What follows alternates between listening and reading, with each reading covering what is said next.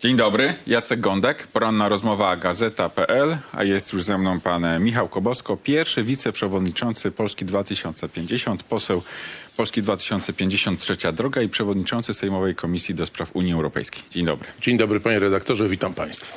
Panie pośle, będą ekspresowe zmiany w TVP czy nie?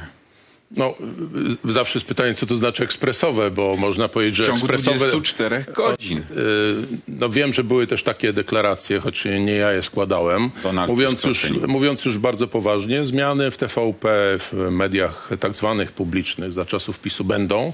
One muszą być bardzo szybko. E, Nie dlatego, że nowa koalicja tak się spieszy strasznie, żeby położyć łapę na mediach, tylko dlatego, że takie jest oczekiwanie wyborców i taka była decyzja wyborców. Absolutny brak zgody na kontynuację tego, co szczególnie widać było w kanałach telewizji polskiej. Dlatego te zmiany nastąpią, jestem przekonany, jeszcze przed świętami. Ale w jaki sposób ma się to stać? Bo słyszymy o najróżniejszych scenariuszach. Proszę mi powiedzieć, jak na gruncie prawnym ma to zostać uczynione?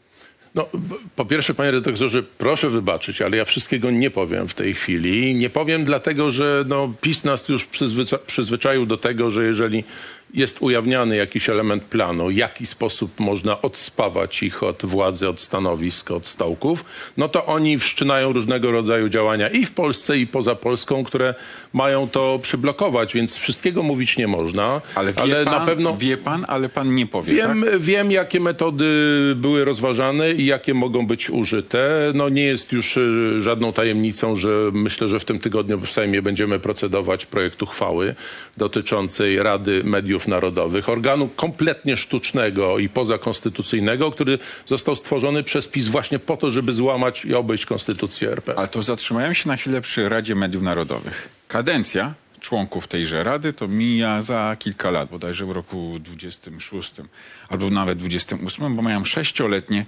kadencje. No i teraz co? Sejm po prostu będzie odwoływał członków tejże Rady?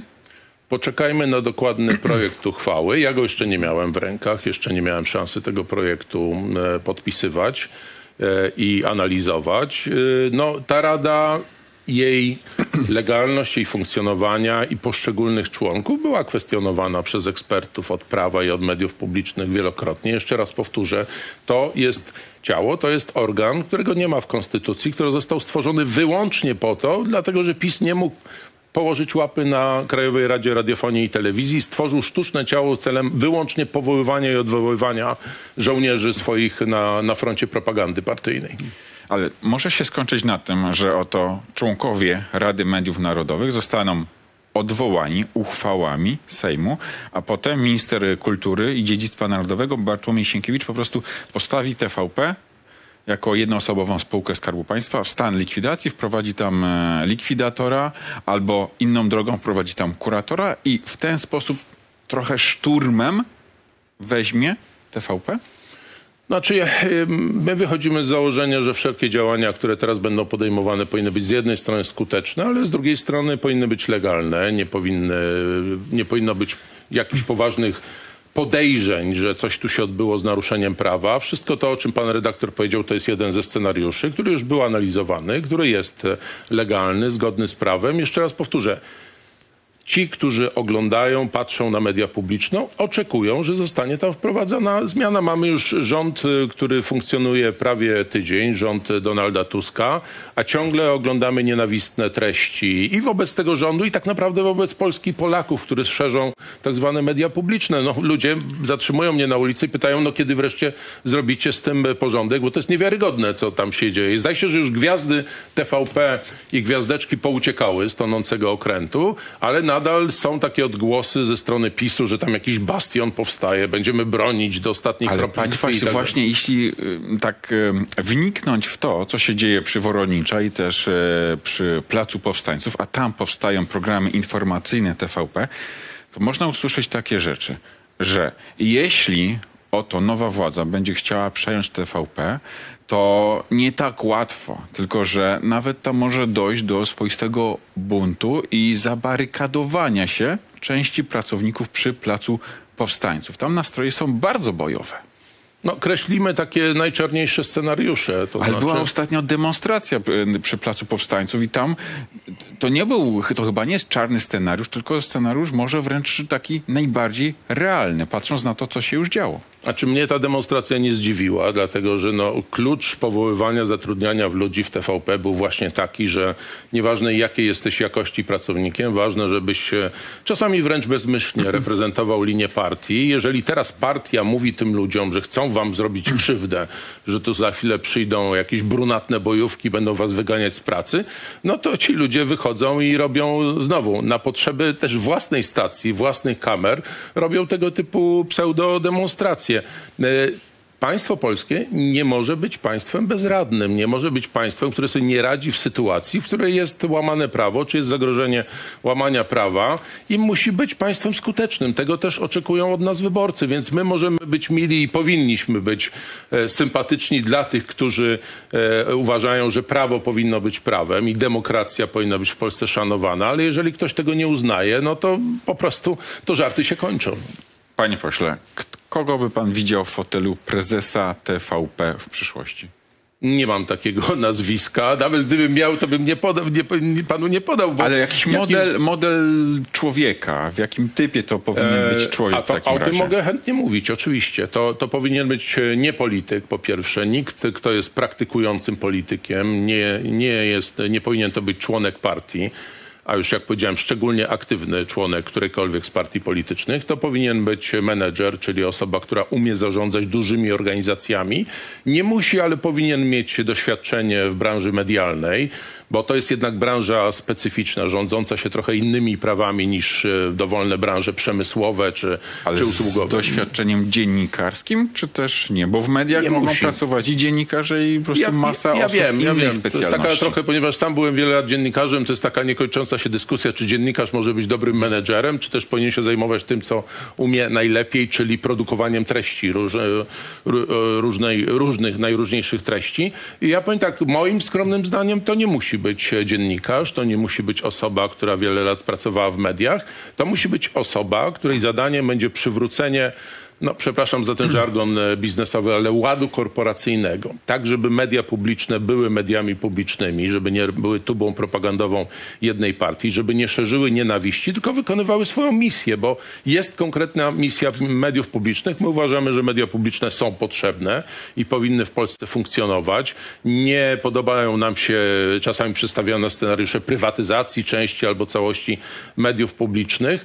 Natomiast y, to musi być sprawna organizacja, odspawana od polityki i nadążająca za duchem czasu, bo wszystkie media walczą dzisiaj ze zmianami na rynku medialnym. Nie ma żadnego powodu, żeby przy Woronicza i Placu Powstańców istniał jakiś skansen, który będzie y, tolerowany, który będzie mógł dalej funkcjonować, podczas gdy świat się szybko zmienia. Ale ze strony Koalicji Obywatelskiej padał taki postulat, nawet projekt ustawy powstał o likwidacji kanału informacyjnego TVP, TVP Info. Czy w Pana ocenie TVP powinna mieć swój kanał informacyjny, czy po prostu do kasacji ten, który jest? To był postulat rzeczywiście Koalicji Obywatelskiej. To nie był postulat trzeciej drogi ani Polski 2050. E, Ja bym powiedział tak, że no, no, najłatwiej jest skasować, i, e, ale czy to rozwiązuje problem? Problem pod tytułem dostarczanie widzom e, mediów publicznych e, rzetelnej informacji? No nie, nie rozwiązuje. To Czy znaczy, Pan mówi, nie idźcie tą drogą Koalicji mówię, ja Obywatelskiej, mówię, tak? Nie, ja mówię to, co mówiliśmy konsekwentnie w kampanii wyborczej. Jest wiele metod, sposobów, dróg na to, żeby poprawić funkcjonowanie także kanału informacyjnego TVP. Nie wiem, pod jaką nazwą on będzie funkcjonował, bo, bo są też przymiarki do zmiany nazwy, co byłoby symboliczne w pewien sposób, ale my nie mamy nic przeciwko temu, żeby w mediach publicznych funkcjonował kanał informacyjny, tak jak jest w wielu mediach publicznych świata. Tomasz Lis swego czasu miał e, program e, publicystyczny, tworzył wywiady dla TVP. Czy pan by sobie życzył takiego powrotu Tomasza Lisa do TVP? Czy pan redaktor będzie mnie odpytywał o kolejne nazwiska Nie, osób, pytam które... o to najbardziej takie znane i głośne po prostu. Akurat y, zapytał pan o nazwisko, które w- no, wzbudza ogromne kontrowersje. Także powiedziałbym u nas, o Tomasz Lis zrobił bardzo wiele, żeby zniechęcać wyborców do głosowania na trzecią drogę na Polskę 2050 Szymona Hołowni, więc nie jestem do końca tutaj obiektywny, zwłaszcza, że też znam okoliczności, czy słyszałem wiele o okolicznościach, w których Tomasz Lis rozstał się z rynkiem medialnym, więc proszę mnie zwolnić od odpowiedzi na pytanie, e, czy akurat ta osoba powinna funkcjonować. Myślę, że media publiczne powinny być, powinny dawać szansę na prezentację różnych poglądów, różnorodnych poglądów i jeszcze raz powtórzę, pogląd pod tytułem ja kocham tylko jedną partię, ja kocham tylko jednego lidera politycznego i będę to prezentował widzom telewizji publicznej, nie wydaje mi się najwłaściwszą drogą, najwłaściwszym sposobem prezentowania treści właśnie w mediach publicznych. Zmieniając temat, proszę mi powiedzieć, czy podkomisja smoleńska istnieje, czy nie? Nie, nie ma podkomisji smoleńskiej. Oczywiście od 15 grudnia decyzją pana premiera Kosiniaka-Kamysza ta kom- podkomisja przestała funkcjonować. Antoni wszystko się- Macierewicz mówi, że nie, ja że wiem, broń no, Boże. znaczy, przed chwilą o tym rozmawialiśmy, o tym, czy pracownicy telewizji e, PiS wyjdą na ulicę, będą robić blokady, okopią się i tak dalej, i tak dalej. No, y, mamy do czynienia z szeregiem już działań, y, bo to także zdaje się, że w środowisku prokuratorów jest jakiś bunt wobec e, tego, co, co robi pan minister Bodnar. E, Ja jeszcze nie nazwę tego zamachem na własne państwo ze strony polityków PiSu, ale to trochę zaczyna pachnieć taką atmosferą. To znaczy oni się niby pogodzili z porażką wyborczą, ale to, co robią, tego typu działania, no to jest anarchizowanie państwa polskiego. To, co robi pan Macierewicz, te, ta próba wczorajsza, że ta podkomisja rozwiązana w piątek, w poniedziałek się niby zbiera i niby y, obraduje, urzęduje, to są oczywiście działania nielegalne. Bardzo dobrze, że tam już został y, w sposób pokojowy, bez y, rozbijania ścian czy rozpruwania sejfów, co pamiętamy z czasów, kiedy pan Macierewicz był ministrem obrony narodowej, że porządek został zaprowadzony i tak być powinno. Jest decyzja urzędowa, państwowa. Jeżeli pan poseł się z nią nie zgadza i chce dalej urzędować w gronie osób, do których ma zaufanie, bardzo proszę, niech zorganizuje w swoim mieszkaniu dowolne spotkanie, niech poniesie koszty, kupi, y, nie wiem, coś do picia, coś do jedzenia. Niech oni siedzą i mają swój klub dyskusyjny, ale za pieniądze państwowe to się już odbywać nie będzie. No, koniec tego spektaklu. Ale pan trochę tak sobie żartuje, a... Nie, mówię, ale- mówię bardzo poważnie. Mówię, bo kiedy mówię o tym, że PiS e, próbuje różnych form e, zamachu na własne państwo i na jego instytucje, to mówię to niezwykle poważnie, że nie wolno się na to zgodzić. Antoni Macierewicz chyba też całkiem poważnie mówi, zarzuca wicepremierowi, szefowi MON Władysławowi Kosiniakowi-Kamyszowi zdradę. No i znowu ja mam, działanie na e, korzyść Władimira Putina. To jest e, taka sama wypowiedź, powiedziałbym, jak wypowiedź w Sejmie prezesa Jarosława Kaczyńskiego, że Donald Tusk jest agentem niemieckim. E, Panowie przyzwyczaili nas do tego, że rzucają różne teksty, różne oskarżenia, że potrafią obrażać bez ponoszenia konsekwencji. Powiem szczerze, we mnie się wszystko buntuje, kiedy widzę prezesa do niedawna największej partii politycznej w Polsce, który wychodzi i mówi z trybuny sejmowej do nowego premiera, że jest agentem niemieckim. Gdzie są cienie dowodów na tę tezę, bo oskarżenie o zdradę własnego państwa, o zdradę ojczyzny jest najpoważniejszym oskarżeniem w każdym kraju. Nie usłyszałem do tej pory. Ja czekam. Ja czekam, myślę, że wielu ludzi czeka, kiedy prezes Kaczyński przedstawi jakieś dowody. Podejrzewam, że nie przedstawi żadnych, bo to jest jego słynna metoda na funkcjonowanie w polityce, rzucanie jakichś słów, jakichś oskarżeń i, i, i ludzie mają z tego wyciągać pan, jakieś... że ta wypowiedź prezesa Jarosława Kaczyńskiego, no cały czas największej partii w Polsce, tylko że opozycyjnej, to skończy się czymś, czy to po prostu te słowa trafiły do mediów, wybrzmiały i koniec historii? To już są decyzje osób, między innymi Donalda Tuska, który został bezpośrednio oskarżony o coś, o coś strasznego tak naprawdę. To jest jego decyzja. To jest pewnie decyzja ewentualnie komisji, e, odpowiedniej komisji, która zajmuje się w Sejmie ewentualnym dyscyplinowaniem posłów. Nie wiem, e, nie wiem czy to się, jak to się dalej potoczy. We mnie te słowa utkwiły, utknęły i e, ja się nie mogę z tym pogodzić. Bo jeszcze raz powtórzę, najpoważniejsza do, do niedawna osoba w państwie polskim oskarża drugą potężną osobę i znaczącą osobę i nowego premiera o to, że jest agentem obcego, obcego państwa, czyli działa w jego interesie. Ja jeszcze raz Pytam o dowody na tę tezę. Albo one są, albo Jarosław Kaczyński powinien ponieść jak najsurowsze konsekwencje tego, że rzuca takie bezpodstawne oskarżenia. Wobec każdego polityka. Nie chodzi tutaj o Tuska. Gdyby to samo powiedział o, o Hołowni, o Kosiniaku, Czarzastym, o innych politykach, to bym tak samo zareagował. Nie wolno takich rzeczy robić w polityce. No, chyba, że się już y, jest taką schodzącą gwiazdą polityki jak y, Jarosław Kaczyński, gdzie wszyscy mo- być może uznają, że jemu już wszystko wolno. Moim zdaniem jemu ani nie było, ani nie jest wszystko wolno. Jarosław Kaczyński jest schodzącą gwiazdą? No, zdecydowanie. Znaczy, po pierwsze, to, to wiemy, że w PiSie toczy się e, wojna coraz bardziej widoczna o sukcesję po nim. Po drugie, Jarosław Kaczyński sam zapowiadał, że już niedługo będzie rezygnował ze swojej funkcji. Wspomniał o roku 24, czyli w przyszłym no, roku. Rok 24 jest za chwilę. Tak. Tak. umówmy się, za nieco, nieco ponad y, tydzień, powiedzmy za dwa tygodnie mamy rok 24. E, to już jest b- bliski finał, bliski koniec, jeśli chodzi o Jarosława Kaczyńskiego. Ja zresztą siedząc na sali sejmowej ostatnie zdanie obserwuję jego aktywność. On praktycznie nie jest aktywny. On się ożywia, kiedy pan Czarnek czy pan Błaszczak wejdą na scenę, coś powiedzą twardo, e, to on wtedy klaszcze, klaszcze w rączki, ale poza tym to praktycznie większej aktywności, jakiegoś takiego świadomego zaangażowania z jego strony nie ma w czasie posiedzeń. Panie pośle, Krzysztof Bosak jest e, z ramienia Konfederacji wicemarszałkiem Sejmu. Czy w pana ocenie powinien stracić tę funkcję? No, zacznijmy od tego, co, co się tak naprawdę wydarzyło. To znaczy, wszyscy wiemy, co się wydarzyło, a potem była reakcja. Ja czekałem z własnymi... Wydarzyło się to, że Grzegorz Braun, poseł Konfederacji, po prostu gaśnicą zgasił w Sejmie e, świecę, menorę i oto potem e, nawet wszedł na mównicę sejmową. Wówczas Krzysztof Bosak prowadził te obrady, wygłosił kolejne zadziwiające słowa Grzegorz Braun. Konfederacja zawiesiła go w prawach członka e, klubu i dała mu zakaz wypowiadania się z mównicy. To się wydarzyło. No, tu są dw- dwa elementy. Bezpośrednia reakcja pana marszałka Bosaka, który prowadził rzeczywiście wtedy obrady. Nie, nie musiał, może nawet nie mógł mieć pełnej jasności, co się wydarzyło no, właściwie za drzwiami e, sali, sali plenarnej, że taką akcję wykonał pan Brown.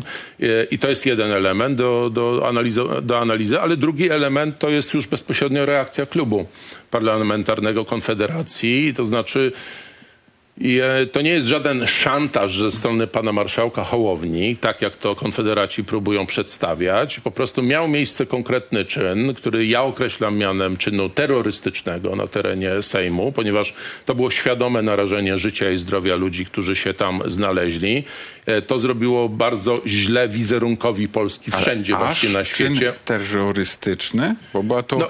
ewidentnie no, demonstracja o podłożu no, antysemickim, tak to trzeba nazwać. Ale No tak, ale, z- ale, z ale z wykorzystaniem konkretnego narzędzia, które mogło ludziom zrobić krzywdę, taką czy inną, bo to jest gaśnica proszkowa.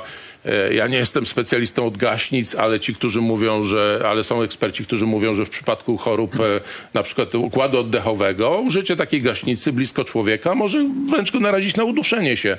Ale w ogóle taki pomysł, żeby sięgnąć po gaśnicę w budynku Sejmu Rzeczpospolitej, no y, ja uważam, że jest to działanie wbrew własnemu państwu, że to jest działanie reprezentujące interesy jakiegoś innego państwa, bo to, bo to uderza w nas Ale wszystkich. pan mówi innego państwa. No to jakiego państwa w takim razie? Niech pan, ma pan to na końcu języka, niech pan powie. Znaczy, ja mam o tyle na końcu języka, że, że uczestniczę, prowadzę posiedzenia Sejmowej Komisji do Spraw Unii Europejskiej, w której do tej pory, tak to powiem, uczestniczył pan e, poseł. Bo jest członkiem. I Jest, jest członkiem, członkiem tej, pana komisji Jest Sejmie. członkiem tej komisji i ja słuchałem bardzo uważnie jego wypowiedzi. On był bardzo aktywny na posiedzeniach komisji i e, kiedy przyszło do wątków ukraińskich, to pan poseł Braun absolutnie nie kryje swoich poglądów. On mówi o, e, o reżimie w Kijowie, e, w domyśle reżimie prezydenta Zełęńskiego, o tym, że nie należy temu reżimowi pomagać e, ze strony Polski. No, Czyje to są poglądy? Znaczy, ja słyszę Władimira Putina, tylko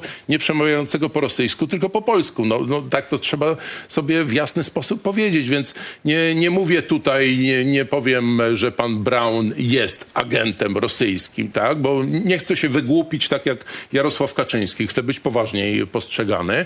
No, ale to są poglądy dokładnie takie same, które słyszymy z, z propagandy No i jest zawieszony w klubie Konfederacji, ma zakaz wypowiadania się. Może to kończy historię No nic nie kończy. Nic nie kończy po pierwsze dlatego, że jest doniesienie Kancelarii Sejmu do, do prokuratury i prokuratura, jak rozumiemy, pracuje nad tą sprawą. My spodziewamy się, oczekujemy, że możliwie szybko do Sejmu trafi wniosek o odebranie immunitetu panu posłowi że będziemy nad tym wnioskiem głosować. Mnie ręka nie zadrży przy głosowaniu. Ale to wróćmy do pierwszego pytania. Krzysztof Bosak powinien się ostać na fotelu wicemarszałka, czy należałoby go odwołać? Jeszcze ta dyskusja, mówię o naszym klubie, jest przed nami. E, Są poglądy różne w tej sprawie. E, Ja jeszcze przed decyzją klubu Konfederacji o zawieszeniu posła Brauna, no byłem zdania, że poczekajmy, dajmy im szansę, nie krytykujmy ich z góry, tylko dajmy im szansę na reakcję. Te reakcje, zawieszenie uważam, prawdę mówiąc, za nieadekwatną do, do tej sytuacji, niewłaściwą. To znaczy nie wyobrażam sobie takiej sytuacji, gdyby to był członek naszego klubu parlamentarnego, Polski 2050, robi coś takiego, a następnie my go zawieszamy i, i jeszcze mówimy, że to właściwie, właściwie to wina Hołowni, ta, ta cała sytuacja. Na pewno e, przez Ale- to, że ale- Hołownia powiedział tak ostro, to w związku z tym my się zachowamy w Prawa i sposób... Sprawiedliwości Jarosław Kaczyński mówi to wprost, że to w zasadzie to jest wina marszałka Szymona Hołowni i PiS będzie składało wniosek o odwołania, No. odwołanie Szymona Hołowni, a wniosek o odwołanie Bosaka również poprze. No, co mogę powiedzieć? Przed chwilą już poświęciłem trochę czasu panu prezesowi Kaczyńskiemu. To rzeczywiście wpisuje się w logikę jego ostatnich wypowiedzi i zachowań. Nic mnie nie zaskoczy ze strony prezesa Kaczyńskiego. Panie pośle, a czy zaskoczyły pana słowa Roberta Biedronia, współprzewodniczącego Nowej Lewicy? Stwierdził on, mówiąc o marszałku Szymonie Hołowni, że jest politycznym tchórzem, jeśli chodzi o podejście do kwestii aborcji. No, ja wiem, że ta wypowiedź była bardziej, zdecydowanie bardziej rozbudowana. E, to po pierwsze. Po drugie, pan, Ale clue, jest, poseł... ale clue jest jednak takie, no. Uważam, że marszałek Sejmu Szymon Hołownia jest politycznym tchórzem w sprawie aborcji. Nie chcę szczerze powiedzieć, jakie ma poglądy i zrzuca odpowiedzialność na referendum. No to nie jest e, bardzo przemyślana wypowiedź e, pana posła Biedronia. Niestety, mówię to z żalem, bo mówię tutaj o koalicjancie, no, o przedstawicielu bloku lewicowego, z którym zawarliśmy umowę koalicyjną i z którym współtworzymy nowy rząd. E, Marszałek Hołownia, my jako Polska 2050 nigdy nie kryliśmy naszych poglądów i jako trzecia droga.